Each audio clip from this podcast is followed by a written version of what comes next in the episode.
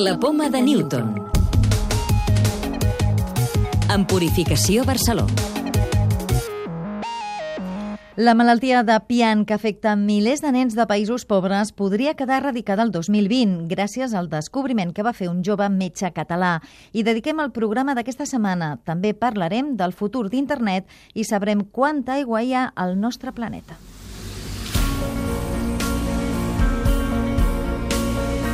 Quan el 2010 el jove metge Oriol Mitjà va arribar a l'illa de Lihir, a Papua Nova Guinea, el pian era el responsable de deixar sense cara molts infants. La patologia afecta 100.000 nens cada any i 40 milions de persones a tot el món, sobretot de països pobres. Es tracta d'una malaltia similar a la lepra, provocada per un bacteri. La bactèria arriba a la pell i és capaç d'entrar-hi, produir una úlcera, que sol ser gran. Si no es tracta, produeix deformacions que són irreversibles. Aquestes lesions són lesions destructives, com per exemple l'ulceració del nas i del paladar, o deformitat de les tíbies. Aquestes deformitats produeixen discapacitat i inclús coixeres de per vida. Oriol Mitjà llavors encara no coneixia el pian, però va tenir la idea de combatre'l amb un antibiòtic molt conegut i econòmic, la zitromicina, que s'utilitza habitualment per tractar l'otitis i la bronquitis. Van fer un seguiment per veure si les úlceres es curaven i, a més a més, si la malaltia desapareixia de la sang. I la sorpresa va ser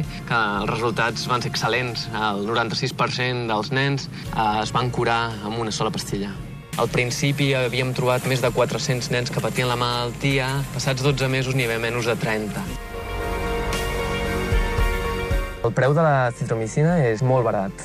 Per 50 cèntims de mitjana es pot tractar una persona i després cal un euro i mig més per portar la pastilla a la boca d'aquella persona per la distribució. Per posar en marxa un programa d'erradicació caldrien menys de 2 euros per persona. La OMS ha fet algunes estimacions i creuen que entre 200 i 300 milions d'euros serien suficients per aconseguir l'objectiu d'erradicació a nivell mundial.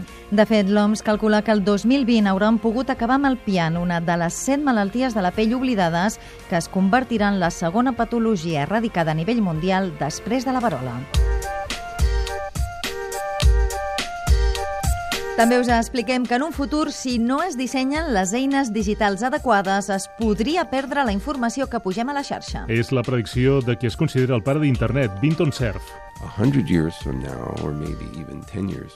D'aquí 100 anys, o potser d'aquí una dècada, el software ja potser no existirà, ja no funcionarà a les màquines de l'època. Així doncs, hem de preservar el software i emular el hardware, i d'aquesta manera poder fer anar els programes. El primer satèl·lit quàntic estudiarà fins al 2018 com realitzar transmissions supersegures amb la Terra. L'objectiu del satèl·lit enlairat per la Xina és dissenyar estratègies de comunicació basades en la física quàntica quàntica a prova d'atacs cibernètics. Concretament, farà transmissions amb fotons quàntics que no es poden dividir ni interceptar per garantir missatges indesxifrables. La missió ExoMars 2016 ha entrat en òrbita de Mar. La missió ha assajat també l'aterratge al planeta vermell amb un petit mòdul, l'Esqueparelli, tot i que errors d'últim moment van fer que s'estavellés. La missió té objectiu tecnològic i també científic, ja que analitzarà els gasos del planeta a la recerca de matar. La clau de volta.